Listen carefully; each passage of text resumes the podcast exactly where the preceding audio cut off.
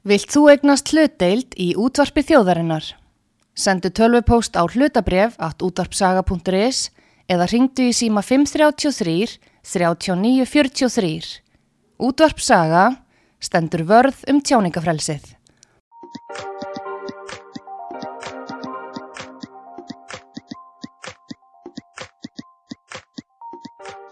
Já, komið sæl hlustendur út af sögu. Þá höldum við áfram með þáttinn fólk og fyrirtæki og fyrirtækið sem er hjá okkur í dag eða fulltrúið þess, Íri Sjóanessar, það er Víkuverk í Kópavogi. Víkur hvarfi 6 nána tiltekið í Kópavogi. Það er nú sennilega flestir sem að þekki þetta fyrirtæki, allavega fólk sem er á, á ferðinu og, og faraldsfæti. En velkomin Íris. Já, takk hella fyrir. Og uh, já, það er að fara í gangferðalög núna Heldur betur. innanlands. Allir að fara að undirbúa sitt, sitt sumarfrí og ferðir um landið. Já, Og þá, ferðamáttin á Íslandi er náttúrulega orðin voða mikið þannig að það eru hjólísi og það eru tjaldvagnar akkurat. og eitthvað um, um, um húsbíla en þið eru með þetta alls saman. Þetta fyrirtæki, er það ekki rétt að mér, 2004 er það sett á stofn eða hvað? Já, sko það var verktakafyrirtæki áður Já. og hétt Víkuverk. Já. Svo árið 2004 þá tekur hann Arna Bardal við fyrirtækinu og, og þetta er það búið að vera síðan þá 2004 fjölskyldu fyrirtæki. já, Og nú skemmtilegt að nefna, vist að ég nefna hann og nafna að hann er nú akkurat 50 í dag. Þess að fannst mér þurfa að taka nafnið hans fram. þá, þá sendum við honum bestu ekki, Óskir. Er það ekki heldur betur við hæfi? Jú, 50. Já. Ég man eftir, ég var 50, það er svo langt síðan að líka ég sem búin að gleyma því, sko. Já, ég skildi. Við erum búin að vera að stríða honum mikið með þetta allt saman. að Nú sé alltaf á leiðinni niður á við að hann var nú ekki sammála því. Það var nú alltaf leiðinu upp á við núna hjá sér. Já, hann er, eins og maður segir, hann er komin á 60 aldur þá. Jú, jú, er það Já, ekki? jú. En við skulum fara inn í ferðalögin um Já, landið já. og allt það sem þið eruð hafið upp á að bjóða og hafið, já, mikið úrval af allskins ferða Já. vörum og tækjum. Akkurat. Jú, ef við tölum með mitt bara eins og við förum bara að þú segir ferðalög, Já, þá hafa náttúrulega verið tölverða breytingar senustu þrjú ár, sjálfsögðu vegna COVID já, og það hafa verið náttúrulega meiri um ferðarlög innanlands og það er hvort sem það er hérna á Íslandi eða í Evrópu, þá náttúrulega er fólk bara að ferðast inbound eins og maður segir, Já. bara innanlands Já. og við höfum fundið náttúrulega líka mikið fyrir breytingum á markkópum af því að sérstaklega núna senustu þrjú ár í COVID-inu vegna þess að kannski voru unga fjölskyldur að sapna sér fyrir að fara til spánar og komast í sólinu að jú, jú. og það var nú bara svolítið þannig að, að það var svona loksus kom sumar og það Mm. er komið júli og, og þá ætlum við að hoppa til, til spánar. Já, en breytingarna senstu þrjú er að nú er þetta náttúrulega markofni að vera yngri og yngri já, vegna þess að það var náttúrulega ekki takt að fara út og svo auðvitað líka vegna þess að það er náttúrulega svo mikið um öll þessi fótboltamót og það eru hátíðir og já, út um land. það er náttúrulega. út um allt land Já. og auðvitað líka það er ekki alltaf hægt að fá gistingu Nei, að því að nei, það eru kannski fimmana fjölskyldur með, með þrjú börn og þau eru kannski öll í boltanum í misjöfnum flokkum og Mm. þá náttúrulega getur ímyndað að það likur við bara allar helgar eru mót.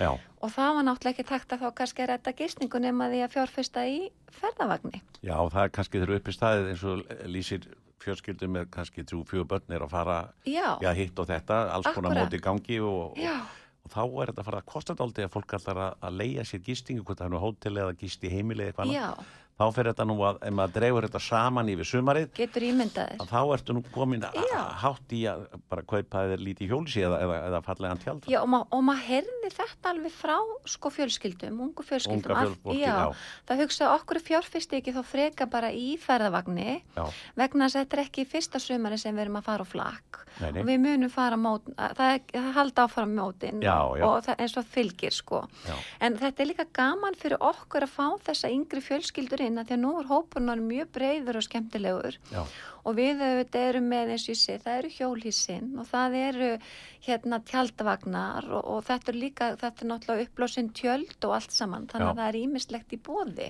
segðu mér annað hérna fyrst við fyrir að minna þetta, Já, ungu fjölskyldunar já, er hérna hvaða, hvaða spurninga, nú, nú ert þú sjöla markastjóri. Já, já.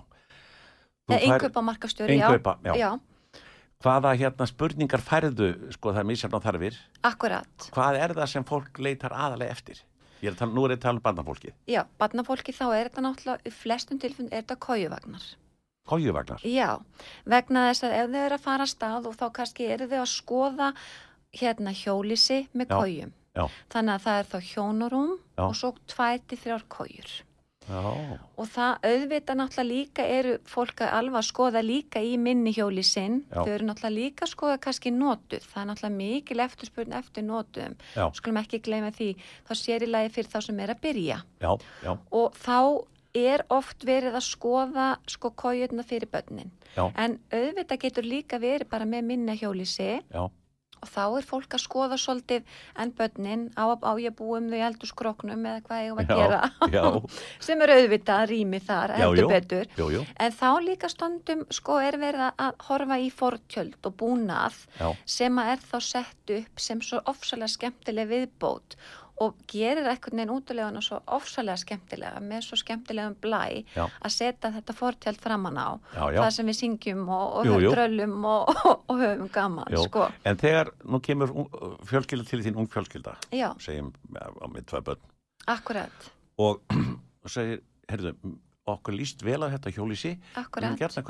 Er þá ekki næsta spurning frá þér, býtu hvernig bíl eigið til að draga þetta hjólísi? Jú, jú, Þa, en það fer svolítið eftir hvaða, jú, ég myndi alltaf spurja því Já, skiluru, já, það er svolítið svona skipti miklu máli að fólk átti sig á þessu að það er skýrtinni sem að sýnir í bílnum hvað þú mátt draga mikið. Já, af því að sjálfsög þegar þú kemur inn og þú og ert bara allt innu alveg dolfallin yfir staðsta hjólísinu Já. með þremu kójum en svo kannski getur ekkert dreigið það, skilur mig Já. og fyrir utan náttúrulega vera með réttindi og annað til að geta dreigið já, þannig að þetta er bara svona það, þetta er eitthvað sem sölur ágjafar fara mjög ítalega í með hverju fjölskyldi eða hverja hjónum sem koma inn Já. að fara yfir þetta allt saman hvernig hjólísi og þetta fer eftir þörfum hvers og eins Já.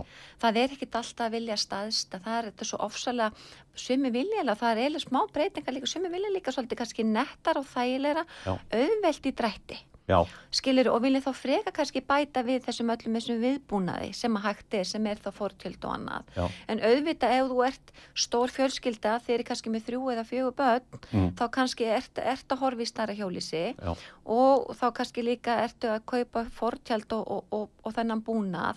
Að þá sest alltaf sölir ágefi niður og það farið yfir sveprými hvað getum við gert, hvernig bíl er það á hvernig að hugsa ykkur að bæta við aukabúnaði? Mhm. við þurfum að horfa í eigin þyngd, heildar þyngd við þurfum að passa upp á þetta allt saman. Þannig að þetta farið mjög vel yfir þetta með þeim sem er í hugleggingum að- já, í ferðavagni já, ég fer inn á þetta vegna þess að ég hef náttúrulega farið aldrei mikið við landi gegnum árin. Já, og þá hef ég rekið með það að mér við stundum sko lítill bíl með Já. svakalega stórt hjólísi. Já, það er nefnilega og sjálfsögð er þetta tekið fyrir en auðvitað náttúrulega veit maður ekkit alltaf að því að það er náttúrulega líka notu hjólísi að sjálfsögðu þú veist, Já. fólk er að kaupa í umbóðsölu og annað og, og þetta er alltaf eitthvað sem sölur á að gefa á að mála, mæla með og nefna Já.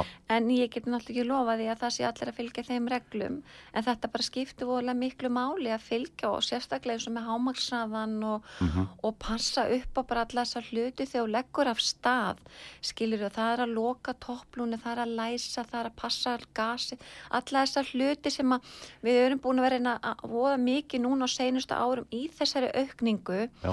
að reyna að setja ennþá meiri fræðslu inn á heimasíðun okkar. Við erum að senda fólki núna meiri fræðslu posta Já. Þannig að fólk átti sig meira á öllum þessu hluti sem þarf að hafa í huga áður en lagt er af stað. Já. Já, þetta svona hefur stundum svolítið stungið mig að sjá Já, lítinn bíl kannski. já, með allt og, já, allt of sem, að, sem að kannski gefur auga leiða að þetta er öruglega kannski ekki bíl sem er á að þóla það, Já, það, það, það segja Já. við sko. Já, Já, þannig að það er einmitt auðvitað allur gangur á því. já, En mér langar svo að því úrst að tala um þetta líka með ferðalögin og svona. já, Þá er þetta svolítið skemmtilegt að við erum að hugsa um allir þessu ungu fjölskyldur og svona. Og þetta gleður okkur svo mikið að því að þú veist þessar sterku minningar þar eru úr útilegunum svo mikið. Og þetta að fara í sumabústaðin vera út í náttúrunni já, já, þetta er alveg ótrúlega eitthvað að þetta situr fast í manni. Mm. og að, að þessi komna þessar breytingar að fólk sé að blanda þessu svolítið saman. Það er að nýta svolítið sumari heima já, og ferðast kannski meira á haustin ellendis af því að við eigum svo fallegt land. Ég held að fólk sé bara stundum alveg gáttað yfir því sko bara guð ég hef ekki komið hérna og jésús þetta er svo fallegt og Já, já. þetta er svo, það, það er þetta sem við finnum svo stert Já, já, ég hef nú búin að fara mjög, mjög marga ferðir kringu landi í gegnum árin. já, Það er út að, já, sérstaklega út að atvinna og svo leiðis. já, En ég, einu sinni fór ég heilan ring á, hjó, með hjólísi aftan, aftan í gömlum lötujeppa. ok Ég myndur reyndur ekki gera það í dag. nei, nei, En þá var, þetta er yfir 30 ár síðan sko, já, og það voru hjólísi allt. Akkúrat. Svona, eins og við köll- segjum Akkúrat, hjólísi sko. ekki já. svona þess flott og vel útbúin eins og þeir eru núna. nei En þá var notabene um leið, og ég segi þetta, þá voru veginni náttúrulega ekkert malbyggaðir. Þá varstu bara alltaf náttúrulega allar hringin. á- Og það var svolítið töff, maður var svolítið já, þreyttur á þessu. En, en, en auðvitað var maður að keira rólega og svona. já, já Og þá kemur, aft, kemur að þessu aftur, hver er hámasræði hjá, hjá fólki sem er með hjólísi aftan að Já, sér? þetta er með við 80 kilometra Já, og, og svo er þetta náttúrulega líka bara, þú ert alltaf að keira eftir aðstæðum. já, Við erum rosalega mikið að segja þetta við alla við erum að reyna að setja þetta inn á heimasíðuna Mm. að því að nú er bara orðin náttúrulega mikið af hjólísum í umferð og þetta eru nýjir eigendur Já. sem að kannski átta sig ekki alveg á því að það þarf að fylgja rosalega vel öllum aðstæðum Mm. og veðrinu og vindinum af því að það er náttúrulega, þú vilt alls ekki að það fara að rása, nei, nei, þú skilur um mig. Já, já, en auðvitað getur þetta gerst ef að fólk er að fara á frætt eða er ekki átt að segja á aðstæðum eða það er, það er bara kannski mikill vindur, skilur um mig. Já, það er bara svona litli hlutir. Og þá sérilega eins og ég nefni með líka þennan búna þegar þú ert að leggja stað. Já, fólk er kannski búið að vera í útilegun og það gleymir að loka topplúni það er farið að dettafestingarnar eða Mm. fíkur þetta er svona að vera svolítið svona meðvitað um það að auðvitað ertu með ferðavagn og þú Já. þarft að keira eftir aðstæðum þetta hefur mikið að segja já, mikil ósköp. Já. Ég vil, ég alveg þegar við tala um þetta, já, þá vil ég gjarnan beina þið til húsbíla eigenda og þeirra sem eru nú, það eru húsbíla klubbar og svo leiðis. já, Ég guðan að bænum keiriðin ekki öll í röð. 10, 12, 15 húsbíla í röð og enginn kemst fram úr og því Nei. keiri rólega eins og eigið að gera náttúrulega stórum húsbílum. Já.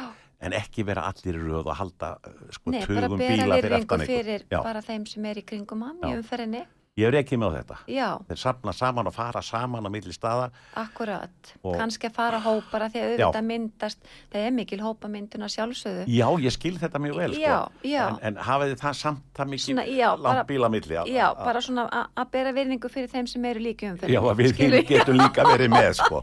Já, að við fáum líka að komast á leiðarenda eins og, Já. eins og hinnir. já. En Já, já. varð mikil aukning hjá ykkur í COVID? Já, það hefur verið mikil aukning senustu þrjú ár.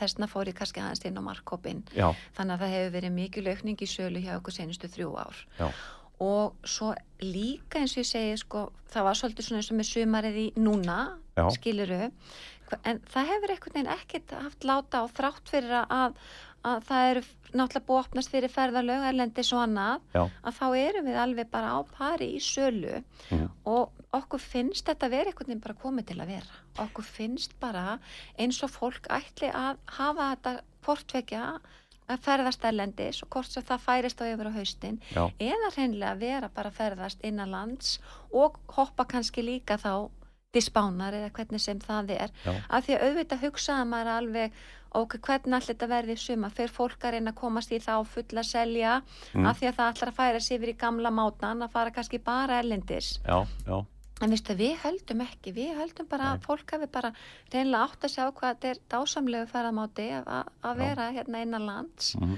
að, að bara já, eins og ég segi, bara senustu þrjú að bara búið að ganga mjög vel og, og, og mikil aukning í, í sölunni. Ég sá það núna um daginn að stuð síðan ég kom með Norrunu, Já, bæðið fram og tilbaka til Danmarku, akkurat, að því ég býð vorið mesta hlutina í Danmarku. já, indislegt að vera þar. Já, og uh, þá tók ég eftir því að mikið var mikið að hjólhísum og, og tjaldögnum og húsbílum Akkurat, ferjunni. Já, við nefnilega erum að heyra meira og meira af þessu Já. og fólk með þess að hreinlega bara komið inn núna Mhm. og fara að undirbúa sig og vil fjárfesta fyrir 2023. Já. Af því að ellendist er þetta allt, þetta er allt annað ellendis. Fólk var alltaf mjög tímanli að bara finna draumavagnin sinn eða draumabílinn, skiluru. Já, Við náttúrulega erum svolítið spontant hérna heima. Mm. Við kannski bara mætum í júli og bara Já. smellum fingrum hefði ætla að fá þennan Já, þetta núna. og bara núna Já, og það er bara, herra elska mín, þetta er náttúrulega löngu uppsett. Þetta er Ísland, sko, það er alltaf skinn núna. En vitundin er meira og meiri. Já. Við finnum þetta og þá sérstaklega núna og í COVID-inu. Já. Fólk var að koma til okkar í desember, það er að koma í november, Mm. það er að koma í oktober á þessum mánuðu sem er náttúrulega bara voru áðar þessi kannski fyrir árum áður, köllu kannski döðu mánuðir. En Já. núna er þetta orðið mikið heilsás hjá okkur Já, að fólk er að koma, það er að skoða það er alveg meðvitaður um það ef ég ætla að fá mitt drauma hjólísi og vil sníða það sérstaklega mínum þörfum, Mm. þá þarf ég að vera tímalega já, og svo er það til, ég nefni þetta, að koma að fara með ferjuna mjög Já. góð aðstaða um borði í Norrinu, það er grís, gríðalega flott skip. Ofsalega flott. Og að breyta því að byggt donað og allt ekki í gegn fyrir tveimur árum. Já, og bara, já, þetta er bara flott skemmtifæraskip. já, og svo er þetta svo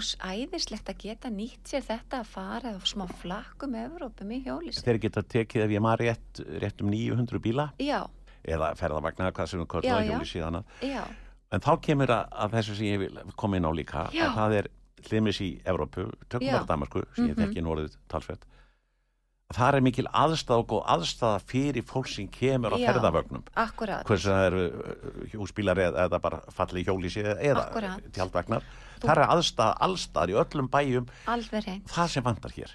Já, og þarna, og ég skil þetta því að sérstaklega búin, ég er búin að ferða sjálf mikið um Danmörku og bjóð þar einnig sjálf. Já, og þar er þetta auðvitað öðruvísi hvað þetta var að því þarna ertu bara, þú pantaði sérstaklega stæði, þú mætir ekkert bara með vagnin skilur hérna heima sko, að, ég held þetta hafi líka smá áhrif að að þetta var svo mikil aukning og það var líka þessi aukning af ferðamönnum. Já, þannig að þetta varð svolítið svona mikil aukning á svæðin og þá heyrði maður þetta á, á sumum svæðum að það vantaði bara smá ábátt upp aðstöðuna. Já, og, og ramagnið, það voru bara ekkit nægi ramagstenglar og þú vilt heldur ekkit vera alveg ofan í næsta manni, þú vilt náttúrulega fá smá svigrum skiluru, en ég hef sem betur fyrr heyrt meira og meira af því að það er verið að gera betri stæði eins og fyrir norðan já, já, og, og, og, og, fleiri stöðum. En auðvitað finnst mér og það verður náttúrulega óskokkar í víkuverka því við náttúrulega erum að selja þessa upplifun og,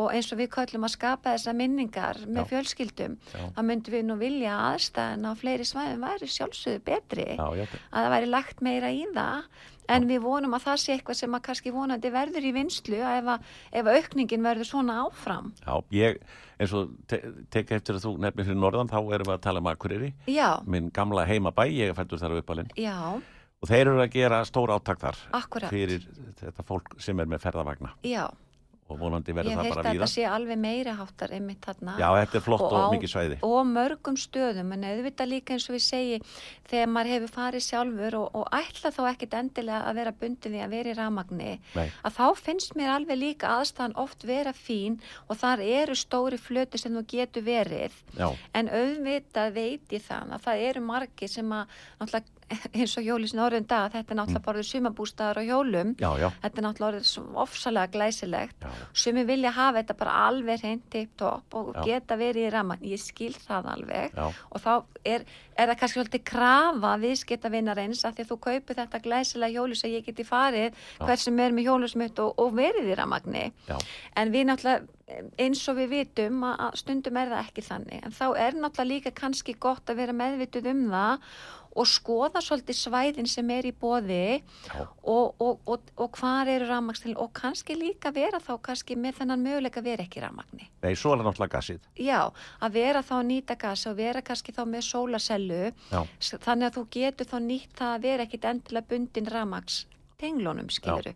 Af því að það er rosalega gaman til dæmis að fara auðvitað kannski erum við að tala um hjólísi núna já, en ef við myndum til dæmis færa okkur yfir í tjaldvagn eða reynsen og annað þegar fólk vil fara meira kannski út í hálendi og annað Þú til dæmis er svo þakil sem er einna mínum alveg uppáhaldstöfum sem er ofsalega fallegur Mm. að þú kemst kannski ekki með hjólísi þar og þú ekki, kemst ekki endil í ramagnið skiluru nei, nei, en þá ert að nýta þetta vera með sellu eða vera með gasmust þú ert með hítara. Það er svona ímislegt sem hægt er að gera þannig að þú sett ekki bundin ramagni já, ég, að því að tala um gas, ég var með pípulæringamann hér um daginn. Já, og uh, hann sérhæði sig í gasi. Ok. Svona tók það sem auka, auka greini í, í sínu sínu fæi ég skilði og uh, lísti því alveg hvernig uh, sko gasi náttúrulega uh, bara gas er gas og er eldfint og allt það eins og allir vita. já, já, þannig að, að auðvitað geymir fólk sem er með gas eh, til dæmis í, í, í hérna í hjólisjónum, það er auðvitað með kútin fyrir utan ekki satt er það er að, er að nota gasið, er það ekki? sko gasi fyrir utan, jú, eða það er náttúrulega gashólf og ímislegt, Já. skilur mig. Svo eru náttúrulega nýju hérna hjóli sinn útbúin þannig að, að það eru þá svona loft intök og annað sem að, það, það er svona ímislegt, þetta er orðið svo vel útbúið í dag. Já. þú getur náttúrulega fengið svona súrefni skilin manna kolminoxíð og svo getur einni fengið gasskinjara Já, þannig að þú getur alveg fyrir þá sem að eru smekir Já. en þetta er náttúrulega bara orðið svo vel útbúið í dag. Já. Það er þetta sem við fórum inn á gegnum, með þessu manni sem að já, já, vissi mikið um þetta og, og þetta er svona, já, ég Já. sjálfur er svolítið smekur við, við, við gas en og við náttúrulega og það, og það er alveg eðlilegt og það, og það er alveg hjón sem koma til okkur en þá náttúrulega veit ég að Sjölar ákveð að fara bara vel yfir þetta hversu vel þau eru útbúin í hísin Já. og einni að fór, ef að fólk vil hafa alla þessar skinjar eða gasskinjar og annað þá er það sjálfsögðu bara flott viðbót bara þannig að þér líði betur skilur mig ég er náttúrulega bara minningandi á mér, sko er frá því, eins og ég segi, fyrir 30 Já, ánu síðan já. í hjólísi, Já, já. þá var þetta ekki svona útbúið flott, sko. Nei, nei, þetta er náttúrulega alveg með ólíkindum stundum. það er bara, og sérstaklega þegar koma þessi hópar saman, þá er einin í hjólísi að baka með bakarahopn, skilur, hún já. er bara með kök í opninum Já, já. og, og svo kikir næsta hjólísi, þá er, þá er hann inn í sturtu og ég meina þetta er náttúrulega Já. ekkert, ekkert, þetta er alveg... Svona var þetta ekki þegar ég Nei, fór um landið þannig að- 30 ánu síðan í Nei, hjólísi. nei, en þá líka bara, en, en sko, hvert, hvert ferðardæki hefur sinn sjarma? Jú, jú, Það má ekki gleyma því. Nei, nei, Mér nei. finnst mjög gaman þegar ég fyrir á síningar Mm. og það er verið að sína þessa eldri myndir hugsa að guð hvað þetta er samt ásalend að sjá alla þessar gömlu minningar. Já, já, og auðvitað hefur þetta tekið alveg svakalegum breytingum. Heldur betur. að, að það náttúrulega vantar ekki. En eins og ég segi og með allt af því að ég ferðast alveg líka í tjaldi. Já, skilur mig, ég og uppblási tjald mér finnst það líka, ég segi alltaf hver ferðamáti hefur sinn sjarma já, já, mikið Það- rétt, mikið já, rétt. mér finnst æðislegt að vera kannski bara ef ég er í stuði og þetta náttúrulega getur ímyndaði við að mikið að fara með tjaldi og allan búnaðin og börnin og, Já. og, og, og allt saman Já. en þetta er náttúrulega svo gaman þegar það rignir og það dropar aðeins á tjaldi og þá finnst mér það svolítið svona eins og ég man í gamla Já. þá fá ég þess æskuminningarnar upp skilur upp Já, svo náttúrulega hjólísið þá náttúrulega rosalega þægilegt það er allt bara tilbúið Já, ég náttúrulega já. bara fer og raða í allar hyrslur öll föt, allt dót, allt Já. sem ég ætla að taka með Já. og þetta er svo, ef, ef ég er í stöðu klukkan 5 Já. á föstu degi já, eigum ekki bara að drífa okkur já, meina. veðrið það er bara æðislegt Já, já. og að því að maður er bara búið kannski bara með þetta allt er náttúrulega bara, þú ert með borðbúnaðinn og þú ert með þetta, og ert, ert með borð og þú ert bara með þetta klárt, Já. ekki bara að fara að vesla og drífa okkur jú, Já. skilur þannig að ég segi alltaf hver ferðamáti hefur sinn sjálma, já, já. skilur já, en það er eitt fyrst við erum að tala, við erum að tala um hjólísi svona sem að ég ok, þessi hjólísi í dag þetta er mjög flott og vandað og mjög gaman að skoða þetta já, og þetta náttúrulega er ætlast til að sé á, á góðum vegum og svona. Já, já. Svo ertu með, og þið með annað sem er ætlað fyrir hálendið, það sem ekki er nú bestu vegir í heimi sko. Nei, nei, sko kannski ekkit endilega ætlað fyrir hálendið en Nei. við fáum viðskiptavinni inn. Já, af því að sjálfsögð er þetta breyður hópur Mhm. eins og ég nefndi við þig og þetta er að yngjast. Já, að þá eru við til dæmis að sjálfsögðu er náttúrulega 80% af okkur sölu eru hjólísinn. Við erum með sagt, með, hefum verið með bíla líka bara því rétt kem inn á það bara sem eru benima bílar, spænskir bílar, skilurum mig? já, þeir bara orðið strax hornur uppseldir. Já, Svo erum við með tjaldvagnin sem Já. er þessi, sem er bara Isabella Kamplett já, og það er þessi danska hönnun sem er bara ofsalega flotta tjaldvagna sem við erum búin að vera að selja núna ár frá ári. Mm. en svo erum við að fara inn á minkin sem er íslensk hönnun og Já. það köllum við svona sporthísi já, þá fáum við svolítið annarkvort svona þess að ungu fjölskyldur Já. kannski með tvö börn já, sem að vilja fara með hjólinn, vilja fara í göngutúra Mm. og vilja fara upp á hálendið Mm. og þetta er svona eins og ég segi svona ævintýr. Fara, þetta er frelsi, vilja fara skrefinu lengra. ég hef tekið þetta þín að Já. að tala um þetta að þessi hjólísi eins og heit, það heitir hérna minkurinn og, Ranger Já, að það, það er, eru á stærri dekkjum og það er herra undir já, þá. Já, það er, það er hugsunin, þetta er hugsunin er að þú getur farið upp á hálendi. Já, Þú getur farið án þess að vera bundin að vera í rafmagni. Já, og þú ert ekkit endilega að hugsa, skilur þú, hugsunin er meira ég ætla að nýta vagnin til að sofa, já, ég er með eldunaraðstöðu, Mm. ég get keift með fortjald og fortjald fylgistundu með í pakkanum, skilur Já. í, þessum mink og hýrareintir. já, Af því að ég ætla að vera svo mikið útiveru já, að ég ætla ekki að vera endilega að hanga inn í vagninum, Nei, skilur mig. já, já, Það er svolítið þau koma við ætlum að hugsunin er að nýta þetta sem gistaðastöðuna, ég vil geta eldað og svo kvöldum viljum við náttúrulega geta setið í róliheitum og krakkarnir dúla sér. Já. og þá er náttúrulega fortildin, þetta er svo flott viðbót, þú ert að stækka svo þannig ert að búa til rýmið, já, en þá eru þau að fara með hjólinn, það er oft verið að fara með hjól, sko, og mér finnst þetta samt vera rosalega mikið líka að geta verið bara einhvern veginn frá öllum og verið svona, þetta er göngutúrarnir og náttúran og já, þetta er svona, eins og við segjum bara frelsi, þetta er, þetta er svo mikið að vera svolítið svona frjáls og óháð einhvern veginn öllu, þetta er svolítið svona ævintýri, ævintýri. Þú ert mér. ekki ofan í öllum að gullfoss og geysir og svo Nei, sko. kanns, já, þú vilt svolítið svona vera bara alveg náttúran í æð, Svolítið sko. prívat svona. Alveg prívat líka, sko. Ég sá eh, hjá okkur á heimasíðinu sá ég þetta er svona A eins og A Já, A-lænir, Já. A-hísinn, það er svolítið sérstafnans mér Já, það er nefnilega, og það þekki þetta ekki allir, sko. Nei. Sko þetta, eh, hérna, er, kallast bara A-lænir Já, og þetta er svo búið að vera svo mikið, þetta er bandarist, skil, þetta er búið að vera svo mikið í bandaríkjunum. já, já, Þannig að til dæmis eins og Kampadometic, sko, fortjaldaframlegandin minn, já, ég til dæmis þegar ég er að tala við þá og, og, og að beða um að leiðbila mér með fortjald sem hendar, þá vita þeir ekki eins og hvað ég er að tala um, sko. Allen, Eilen, what are you talking about? Skilur þannig að því að þetta er ameríst svo mikið, sko. já, já, já, En svo náttúrulega sem sagt, he, var þetta til hérna árum áður, já, já, Já. já, og, va- og margir sem að eru rosalega hrifnir af alanir og það er svolítið svona, það eru hópar sem eru á alanir, þetta er, þetta er hérna og þetta er flott, mjög flott útbúið að já, ég sá sjálfsögðu. Og þessi sem að við erum með í dag, þetta er mjög flott og það eru svona auka kvistar sem að búa til þetta auka pláss Já, komið svona svolítið reynd svona dekk á þetta og, og, og, og svona viða meira og skemmtilegra já, og þannig að já þannig, að- en, en það kem og sko munurinn er að nú þannig að þetta fer frá þetta var áður þarna að bandaríst skilur þá þurfti Já. að þetta, hvað er ykkur ásum þetta hætti vegna þess að þetta var orðið bras með tengla og allt saman svo þetta myndi henda þessum íslensku aðstöðum. Já, en þannig að það er að sjálfsögðu þá fellís á markanum og svo Já. margir sem að, og alænir sem margir hlipnir af því. Já, En það sem að gert með þennan nýja reynsi þess vorum við svo stolt að kynna nýr og endurbættur alanir já, vegna þess að þetta var sett evróst kerfi þannig að þetta hendi vel þessum íslensku aðstöðum. Já, þannig að maður getur alveg, þú, þú leggur þetta niður, Já, þú leggur þetta niður. Já. Þannig að þetta er mjög spennandi og, og það er bara voðalega gaman. Okkur fannst það mjög skemmtilegt Já. að þetta var svo flott viðbót hjá okkur að því við erum átt eins og við segjum 80% hjóli sinn að okkur fyrir svo gaman það er alænirinn sem er mjög smart. Já, Svo er mingurinn, þessi íslenska hönnun, gul, rosalega flottur og skemmtilegur. já, Svo er þessi Hero Ranger sem er þessi sporthísa típa.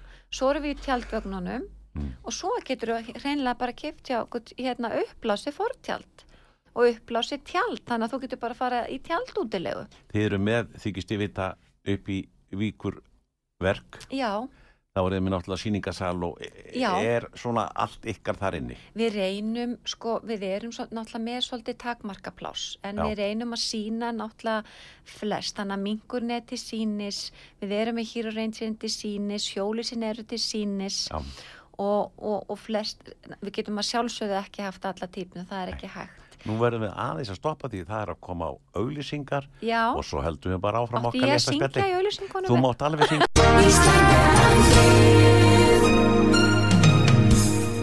Styrtareikningur útvarpsögu í Íslandsbanka á Granda. Útubú 513, höfubók 26, reikningur 2.11.11. Nánari upplýsingar á útvarpsaga.is. Takk fyrir stöðningin. Ekki með þeim, ef þú vilt.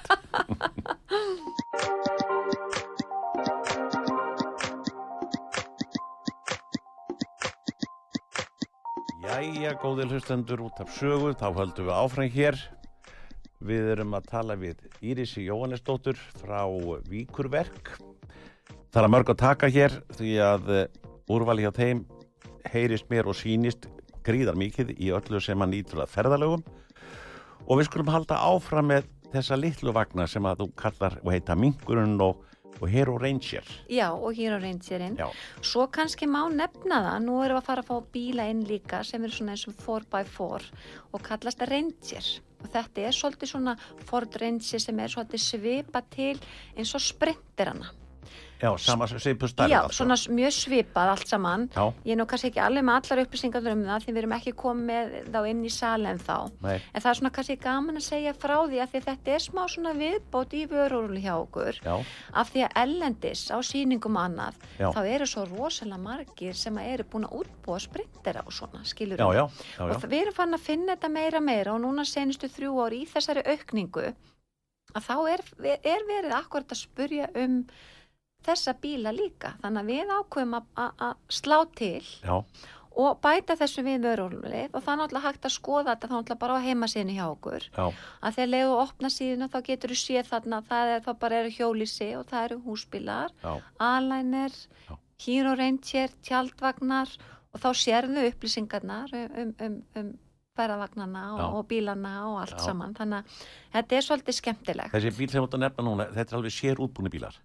Já, þetta eru, þetta eru sérútbúinu bílar sko Já, En eins og ég segja, því nú er ekki með allt, allt um þá, en mér langar bara svona rétt að koma því að að þetta væri svona viðbót hjá okkur. þetta er nýtt sem sagt. Já, þetta er nýtt og Já. heitir Rendger. Já. Rendger held ég sem Já. að bera þetta rétt. Og hvaðan, hvaðan koma þeir þessir?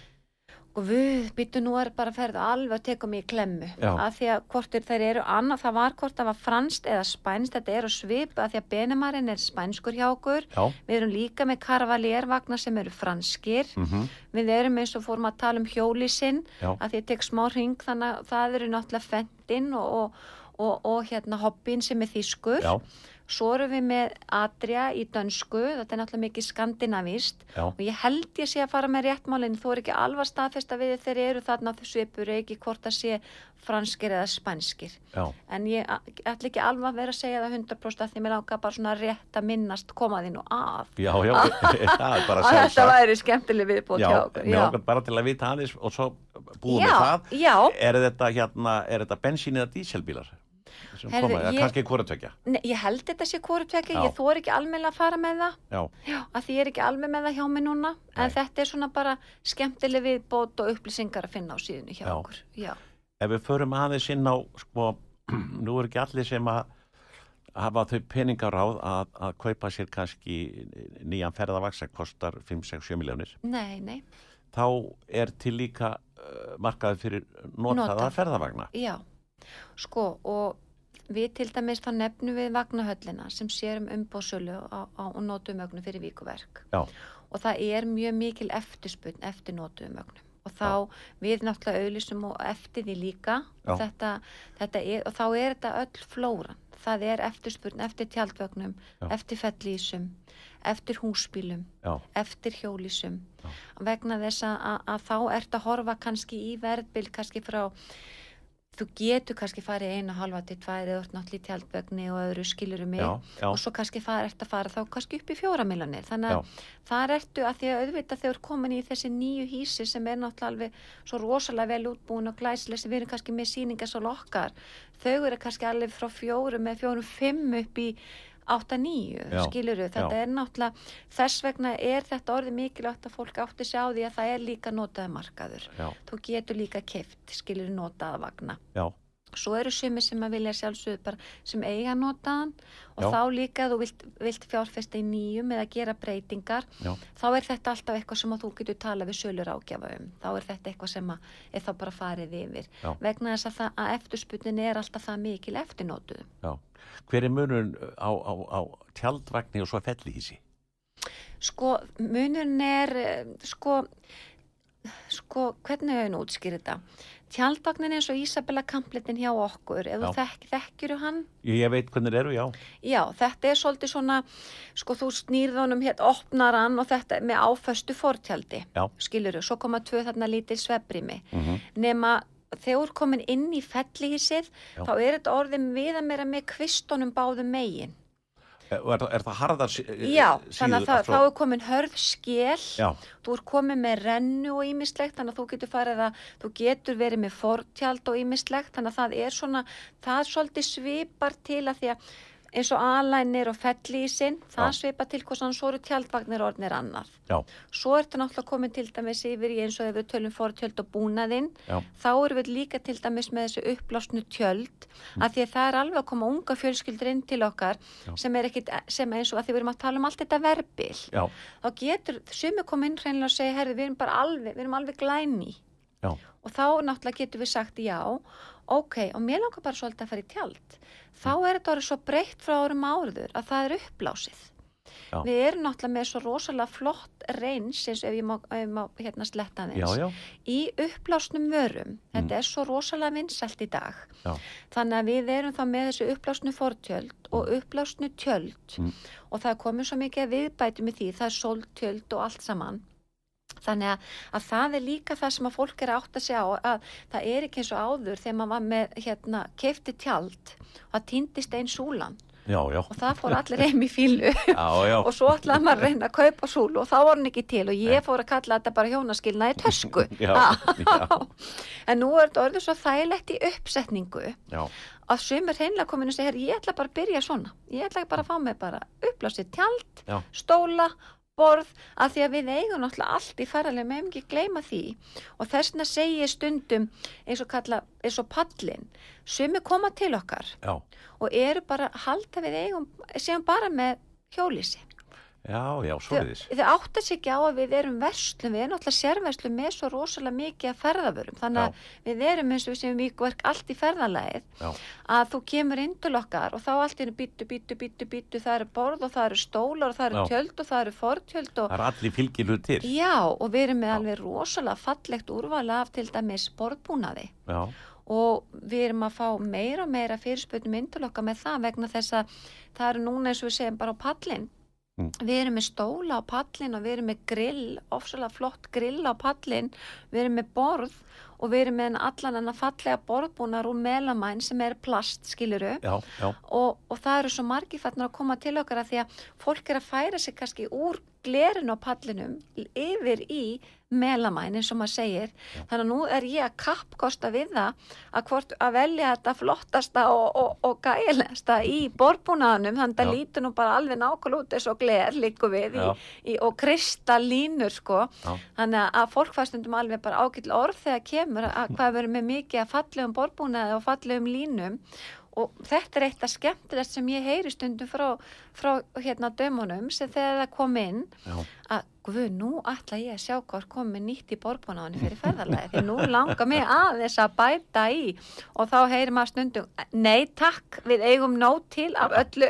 Já, já, já. Já, en máli er að það er svo mikið skemmtilegt og, og við náttúrulega erum alltaf að reyna að vera skrefinu lengra og maður þarf að vera að, að fylgjast með og það eru sko endalösa nýjungar Já. í þessu öllu saman og, og þú veist, ég veit ekki þú þarf nú bara að fara að kíkja á okkur og fara að koma og sjá þetta allt saman Já. af því að þetta er svo, stundu ha, er þetta til? svo er Getur með fengið- grill líka.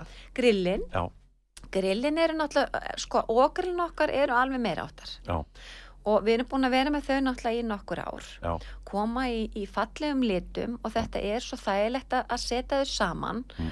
Og þú getur kipt flott borðundir, það er taska og það er yfirbreysla Mm. og ég nota þetta heima og ég tek þetta líka með mér. Af því að, að það, það er það, búst, þetta grillar vel, þetta er jafn og góður hiti, það er þægilt að þrýfa það. Þannig að, að ég alveg hygglust mæli með þeim líka því að sumi vilja ekkit, sko auðvitað eru margir sem vilja halda sér í kólagrillin og vera með eitthvað annað. Já, en, en þetta er það er alveg orðin svolítil eftirspurn eftir ferðagrillunum, Já. líka bara á pallin að því að fólk í COVID-19 fór náttúrulega að gera allt upp já, já, ha, það er ekkert smá hvað er búið að gera það er bara, trampolín voru uppseld og heitipatur Já, já. og þá verður nú að segja frá því ég er nú með sel nú uppblásin heitan pott þannig að það er allt til í flórunni Ég verða, verða viðurkenna það hér og nú að ég á ekki grill.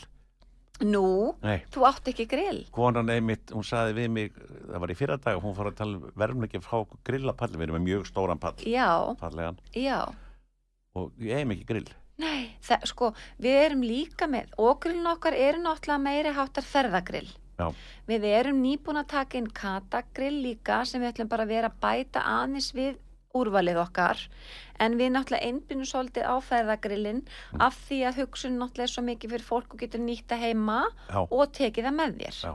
og þetta er orðið það skemmtilegt að, það, að lokið á því er svona kúft Já. þannig að þú getur verið að elda heilan kjúklin, þú getur sett læri skilur þú, þannig að þetta er svolítið skemmtilegt hvað þú getur nýttið í margt, þú getur verið að setja pítsastein á, eða þú vilt gera pítsu, við erum að selja þessa silikonbakka, eða þú vilt gera egg og bacon og sleppa við að þrýfa grillið, við náttúrulega erum alveg með endalösan bara grillbúna líka skiluru, Já. það er svund og það eru tangir og þannig eins og ég segi, það er náttúrulega bara svo margt svona sem við erum að stíla inn og í ferðalagi, þannig að þú geti komið til okkar og því í Þú, ferðalagi. þú lýsir þessu alveg eins og ég sé fyrir mér bara heilt vöruhús. Já. Já, fyrir, fyrir okkur er þetta þannig, við viljum að þetta sé þannig að þú komið til okkar. Já. Fyrir að fyrst að þið líði vel þegar þú kemur til okkar. Já. Og við reynum að- láta upplýna fyrir börnin, við elsku þegar börnin koma, að reyna að gefa þeim eitthvað smottur í, þannig að því að hugsun er þegar ferðar og vonandi að fara í eitthvað skemmtilegt ferðalag. Já. Við reynum að hafa úrvala dóti, þannig að þau getur skoða það krakkarnir. Mm. Við erum með borbúnaðinn, að því að það er það sem að, að þarf og allt sem þarf er snýra borbúnaði, það þarf að vasku upp að því að þú ert ekkit alltaf kannski með hjólísi, eða þú ert með tjaldvagnin eða fellísi eða annað, ferðaklósitin eða þú ert kannski með fellísi eða tjaldvagn, við erum Já. allan búin að það, Já. við erum alla vörur eða koma að hreinlætinu, skiluru, og svo auðvitað þessu fortjölda búnaður, það er náttúrulega ótrúlegt, það er náttúrulega marga línur, Já. það eru skemmtilega viðbætur og þarna er bara, segjum við, sko sungið með gítar og, og, og þarna er grilla og þarna er partíin sem að, ef þú fer á tjálsæðina að, þá er alveg bara dásamlegt að sjá tjál, fortjald eftir fortjald Já. og bros, fólk með bros og vör í, í, Já. í, hérna að þetta er svo skemmtilegt að, setja inni ég sé þetta alveg fyrir mér sko að koma til ykkar það er svona það er eiginlega byrjunin á ferðalæginu Já, þetta er að bara koma, upplifa það og, og svolítið svo það sem að ferðalagi byrjar. pandar að sér Já. út frá því. Og, og þetta er líka svolítið þannig að við erum auðvitað líka að þeir sem er að kannski að koma svo núna er mikið um standsetningar hjá okkur. Já.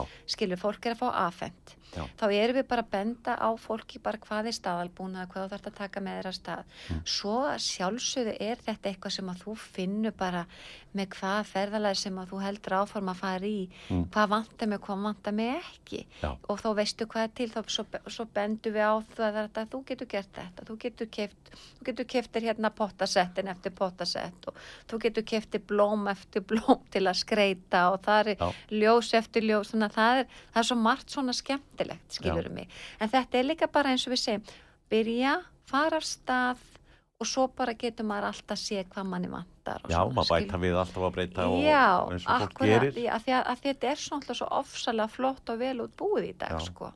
Ég sé fyrir mér sko þegar fyrst, ég man eftir það nú mjög langt síðan þetta, að þegar voru að koma tjaldvagnar. Já, fólk voru að kaupa þetta, þetta voru nú já, þetta var nú ekki svona svo merkilegt fyrir augað að sjá þessi tjaldvagnar sko. Fólk sagði gjarnan sko, ég heyriði honni fólk sem átti þetta. Ég veit svo vesin að tjalda þessu heil mikið mál og tekur langan tíma. Það er breytt í dag á þetta. Já, það er mjög breytt í dag og það er, þess vegna væri vola gaman að- þú myndir nú kíkja okkur og sjá munna því að við erum til dæmis með núna Isabella Kamplet Já, og þetta er ný típa sem heitir Kamplet North. Já, og þetta er orðið bara handtak að því áður varst að svolítið að setja saman fortjalda framan og dattarattara þannig að það var orðið svolítið bras Það var Sum- mál. já og, og fólk kannski hætti við skiluru já, en núna í dag er þetta þú veist og það eru fullt á ungu fjölskyldum sem finnst alveg æðislegt að vera með tjaldvagn. Vegna þess að það er auðvilt að draga þetta já, skiluru, þetta er útbúið svo miklu þægindum já, og, og þegar þú, þú getur fengið þá með hennar án eldús skiluru mig, svo ertu þá þú getur tekið þá með þig ferðar nýtt aðstæðan á tjaldsvæðanum, Mm. verið þá með grilli með þig, það eru svo fínasta svefnastaða já. og þetta er bara alveg ofsalega huggulegt í dag hvað tekur svona bara uh, meðal stór tjaldvagn hvað Já. tekur langa tíma ég er að stopp, nú ætlum ég að tjalda hér hvað tekur Já. langa tíma? sko, Um, að því að þetta fenn náttúrulega eftir að því að þú ert náttúrulega bara, ef maður er nýr og annað, Já, þá tekur þetta náttúrulega smá tíma því að það eru súlur, Mm. skiluru, já, þannig að ég, veistu, það er svolítið erfitt fyrir maður að segja það, Já. hvað það gæti tekið langa tíma, já, af því að, að það getur tekið smá tíman á æfingunni, þú sért ekki, hvað ég var að segja, hálf tíma kannski, Já, ef já. þú ert bara svona að byrja, Já. þú ert að koma og þú ert að Já. stúdera allt saman, þú ert náttúrulega, þetta er ekki nema eitt handtak núna, svo ertu bara að setja súluna milli sveppri með sinns og þú ert að stilla þessu all, allt saman upp Já. svo bara smá kemur þetta svo, svo er þetta orðið þannig að þú ert orðið engastund að þessu. Já, já, en ég, maður vill alltaf gefa svona lengri tíma þegar maður er að segja sem byrjendur. Og ég segi þetta alveg eins með fortjöldin líka að þetta tekur náttúrulega alltaf smá tíma í byrjun. Skilju þótt að sé kannski komið í sjömyndur eða Mm.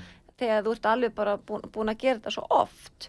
En Já. ég segi þá kannski stundum já, þetta getur alveg, auðvitað getur þetta tekið klukkutíma til að byrja með Já. en þú svo ferðu bara alveg nýr í sjömyndur þetta, þú blæst þetta bara en fell, fellihísi, þú er fljótarið þar. já, já, svo er það sama með fellísin þetta Já. er bara með fellísin og alænir og annað. Þú ert, þú ert náttúrulega, þetta er fljótt í uppsetningu. Já, já.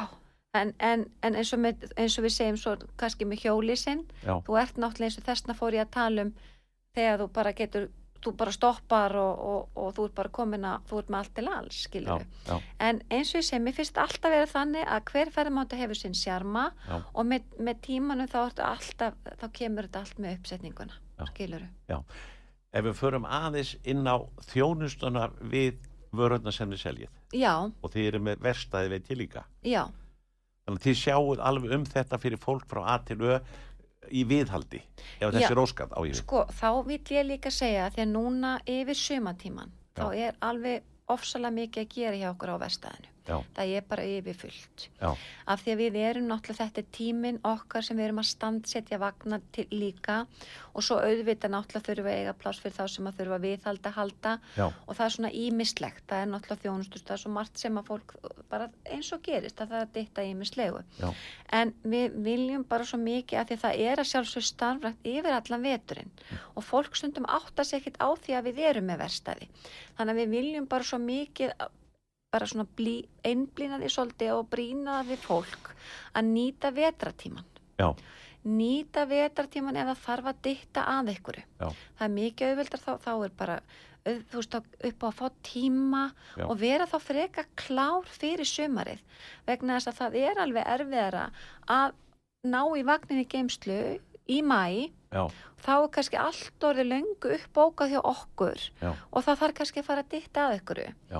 þannig að við svona reynum að minna fólk á að það er mikið erfiðar að fá tíma þótt við reynum eins og við getum að sjálfsögðu já, að- hérna, koma fólki að. En, en það er bara oft svo svaka leifufullt á, á sömrin hjá okkur að við viljum svona minna fólk á að við endilega yfir vetratíman koma til okkar, panta tíma og fá bara flotta leiðsögn yfir það sem þarf að gera. Yfirfara vagnin, það er svo margir sem að kannski þurfa að fara eiga eftir að yfirfara vagnin já, svo flott að gera þessar hluti yfir vetratíman já. Segðu mér eitt, sambandi við, já, það er ekki allir bílskúr. Nei, nei, og það eru margir sem segja, hvað get ég geimt hjólísið mitt eða, eða, mín í vetur? akkurat Hjálpið þið fólki með, með slíkt? Sko, við reynum alltaf að vera meðveitu um hvað kannski er í bóði. Já, Við heyrum að það náttúrulega ímsa skemmur út um allt land, Mm, skiluru, og já. fólk reynir að, nýta sér það. Já. Svo á móti kemur, höfum við verið að benda á, já, vagnahöllina sem að Já. hérna sérum þá, hérna notu vagnan á sumrin, já, að þeir eru þá með vetrageimslu yfir veturinn, þannig að Já. við höfum náða að benda á þá líka. Já. Og svo náttúrulega eru sumi sem að geta líka, sagt, hérna, eru með aðstöðu heima Mhm. og eru þá að geima úti og þá hafa þeir komið til okkar, fengi leiðbynningar frá verstaðinu, hvernig ég þarf að undubúa vagnin, bara vetrastandsendinguna fyrir Já. veturinn já, og yfirfara vagnin fyrir það allt saman og þá höfum við kannski selt en vetrar yfirbreyslu, Já. rakatæki og allt sem þarf að gera klárt fyrir veturinn. þannig að það fer ekkit illa með þessi uh, ferða, nú, Nei, tjald, sko, nei, það er bara að fá þessa réttuleið, sko, þetta er, auðvitað er þetta líka personabundi. Það er ekkit allir tilbúin að geima vagnin úti. Það er bara eins og Nei, gengur og gerist. já, já, já. Þú er kannski að fjárfesta í, í dýrum vagni og þú Mm. hugsa, nei, veð, veðri hérna heim og þú veist nú hvernig veturum var núna. Mm, Ef maður er kannski ekki í skjóli heldur og annað, þá ertu nú kannski ekki tilbúin til þess. En ef þú ert með, með gott svæði, var góða leiðbyrningu á verstaðinu hjá okkur, já, yfir hvað þarf að gera þú kannski fær meirsa aðstóð hjá okkur við að, að gera vetrakláran kaupir þá þjónustu hjá okkur. Já, færði svo allt sem þarf að nýti það leiðbenningum er afgemi og annað og kaupir yfirbreyslu og ert í bara, bara góðu skjóli.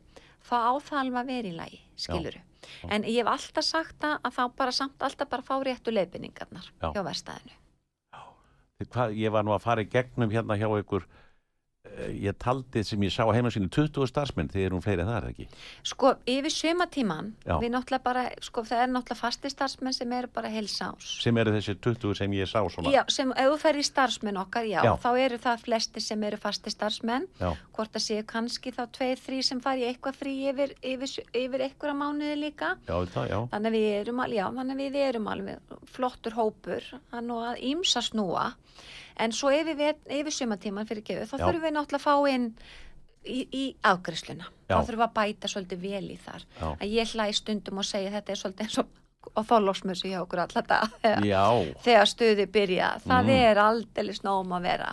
Þannig að þá þurfum við að manna okkur vel upp og, og þá fáum við þessi indislegu suma eins og suma krakka til okkar sem að hjálpa okkur í ágriðslinu það er mikil traffík núna akkurat. Já, traffikinni byrju núna og, og hérna það er, já, það er mikið um að vera. Það er bara stuð, en, en það er gaman. Já, það er gaman, er gaman. Við reynum að- fólki líði þannig þegar kemur. Já. auðviti stuð á stuðinni, eins og maður segir. Já, en það er samt svo gaman að koma. Hva, það er allir í ferða hug, það er allir svo spenntir. Já. fólk er að hittast, ég er þú að fara líka hvert ætla þú? já, já, Já, Já. það er nú líka það sem er. Já, Hva, hvar, hvað er mest burt um núna? Er, er það fellísi eða hjólísi eða það hjól, er? já, sko eins og staðan er núna- aukning í hjólísum? Altså? Já, sko það, eins og ég segi, það er bara búið að vera núna ef við tölum bara, bara þessi senustu þrjú ár, ef við horfum bara í hjólísi og vörur, senustu þrjú ár er alveg búið að vera cirka 20% aukning á milli ára. Já, Það er aukning í hjólhísum, það er aukning í eftirspurn bara áferða mögnum líka, skilurum mig. já, já, Það er líka auðvita, það er eftirspurn eftir ymsum búnaði sem var ekki. Við til dæmis vorum að gera mjög skemmtilega breytingu núna og vorum að bæta inn til okkar hérna ramaksjólum. Er það þetta hérna higgybags? Já, það er higgibæks. Vegna þess að að því eins og við tölum um áðan með pallin að fólki komi með pott og það er þetta og hitt og það er trampolín og það eru hjólin Mm. að, að því að þú ert að ferðast innanlands Já. þá kom svo mikil eftirspurn eftir hjólum og þá fannst okkur bara upplagt að því við náttúrulega erum sérverslun Já, og erum að, að, reyna að vera með bara allt í ferðalagið að bæta hjólum við. Já, að við vorum að selja hjólagrindur á ferðavagna. Já, og þá erum við komið núna með línu sem heitir Higgibikes já, og þetta eru rafmagnshjól.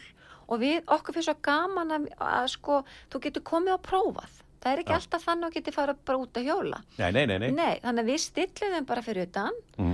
og þú bara kemur og kíkir á okkur og ef þið langar í hjólatúr þá bara kemur og, og, og, og, og mátar hjóli Já, takk. Já, þannig að þetta er svolítið skemmtilegt Já. líka Mér langar það að spyrja þið um þessi hérna uppláttnu tjöld. Ég er Já. eiginlega ekkert séð svoleiðis. Nei, sko, uppla, fortjöldin og búnaðurinn okkar, þetta Já. er, þetta er hérna mjög vinsalvara hjá okkur. Já, Og að því ég er náttúrulega búin að tala svolítið um fortjöldin okkar, Já, þetta er já. Campatomatic fortjöld Mm. sem er búin að vera rosalega vinsæl. Þetta er svo þægilegt í uppsetningu þegar er að standa þetta íslenska veðufar já, og þetta súluvesen eins og var svolítið Mm. áður, við erum bara búin að þurka það út með þessu. já, Campatomatic eru líka svona eins og við segjum illa slett aftur Mm. frontrunner svolítið í þessari framleiðslu í uppblásnum vörum. Já. Það er alltaf nýjung, það er alltaf nýjung. Gæðin er hann svo flott að það er komið sko fortjöld í ferðatjöld, svo eru komið þessi stöðutjöld. það er það sem ég vil tala Já, um. Þessi, einmitt.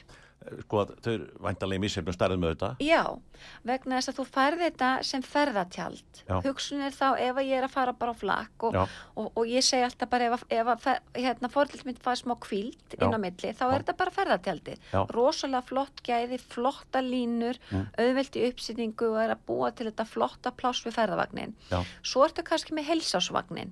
Já. Þá myndir náttúrulega fara, ef þú ert á föstu stæði, Já. þá ertu að horfa í helsárstjöld. Já. Þá ertu náttúrulega farin að fara í tjöld sem eru þá þingri Já. Og, og, og eru þessi með öðruvís það er öndunin meiri skiluru, Já. það er vastþétnin er önnur og annað þannig að þetta sé að þóla veðufarir á þessum basis að þú ert kannski að setja það upp í mæ og taka það neyri september skiluru mig. Já, já, já, En ferðatjöldin þau eru ekkert að þóla það. nei, Þú, ert að, þú, ert, þú verður að horfa þá í þessi all season stöðu tjálta efnið, skilur Já. En svo spurðunum mig um upplásun tjöld. já, hvað, Já, það er það sem ég svolítið spettu fyrir. ef að ég myndi bara segja, hefði ég ætla að fara í útlögu með konunni eitthvað, það er bara að taka tjald og ekkit annað. Já, þá getur þú bara, og það er alveg svo þægilegt, Já, að þetta er alveg svo ofsalega þægilt í uppsetningu. Þá Mm. ertu bara eins og ég segi með fortjöldin, þú ert náttúrulega bara orðið nokkra mínútur þegar komið lægið á þessu, að að- að setja þetta upp, að þetta er upplásið. já. Og, og þá er þetta bara, þetta er bara... Er það með ég ra rafmagni eða batteri eða Nei, þetta er bara, þú ert bara með handpumpu, þetta fylgir bara handpumpa með. Já, Og það er það sama með fortjöldin, þetta Já. er bara handpumpa sem fylgir með fortjöldunum. Mm. Þú getur náttúrulega keftir loftæluna, en þú, þetta er þá bara til að stytta þér handtökin, þú ert Mm. svo sem að ég að blengja að pumpa þetta upp. Þannig að þetta er bara alveg meiri áttar. Já. Og ég er til dæmis eins og ég sagði við á það líka með svona uppblásið tjald af því að þetta er, þetta er gaman að geta gert þetta, að hafa fjölbreytileikan í þessu sko. Og, og þægilegt. Og botnin, botnin í svona uppblásnu hann það, er ekki uppblásin sko. Hann er ekki uppblásinn? Nei, það er bara botn eins og kalla svona footprint elendis, það Já. er bara botn í tjaldi Já, svo er þetta bara súlutna sem að blásast upp allar halda tjaldin uppi þetta er bara svo hoppukastari Já, Líku við. Þetta er bara ef þú hugsar, ef þú hefur ekki almennilega séð hvernig fortjöld og búnaðar er skiluru og ert reyna að átta þig á hvernig, hvernig verðun er þetta sett upp og stend Já, þetta þá er þetta eins og hopp, það eru súlur Mm. sem að hald, eru loftsúlur Já. sem þú, þú pumpar þetta á einum stað já, í allt fortjaldið í, en nema í tjöldunum þá þarf þetta að pumpa á fleiri stöðum. Já. en eins og fortjaldinu sjálfu já, þá og fólk sundur bara ha, ég skil hva, um, um, um hvað ert að tala?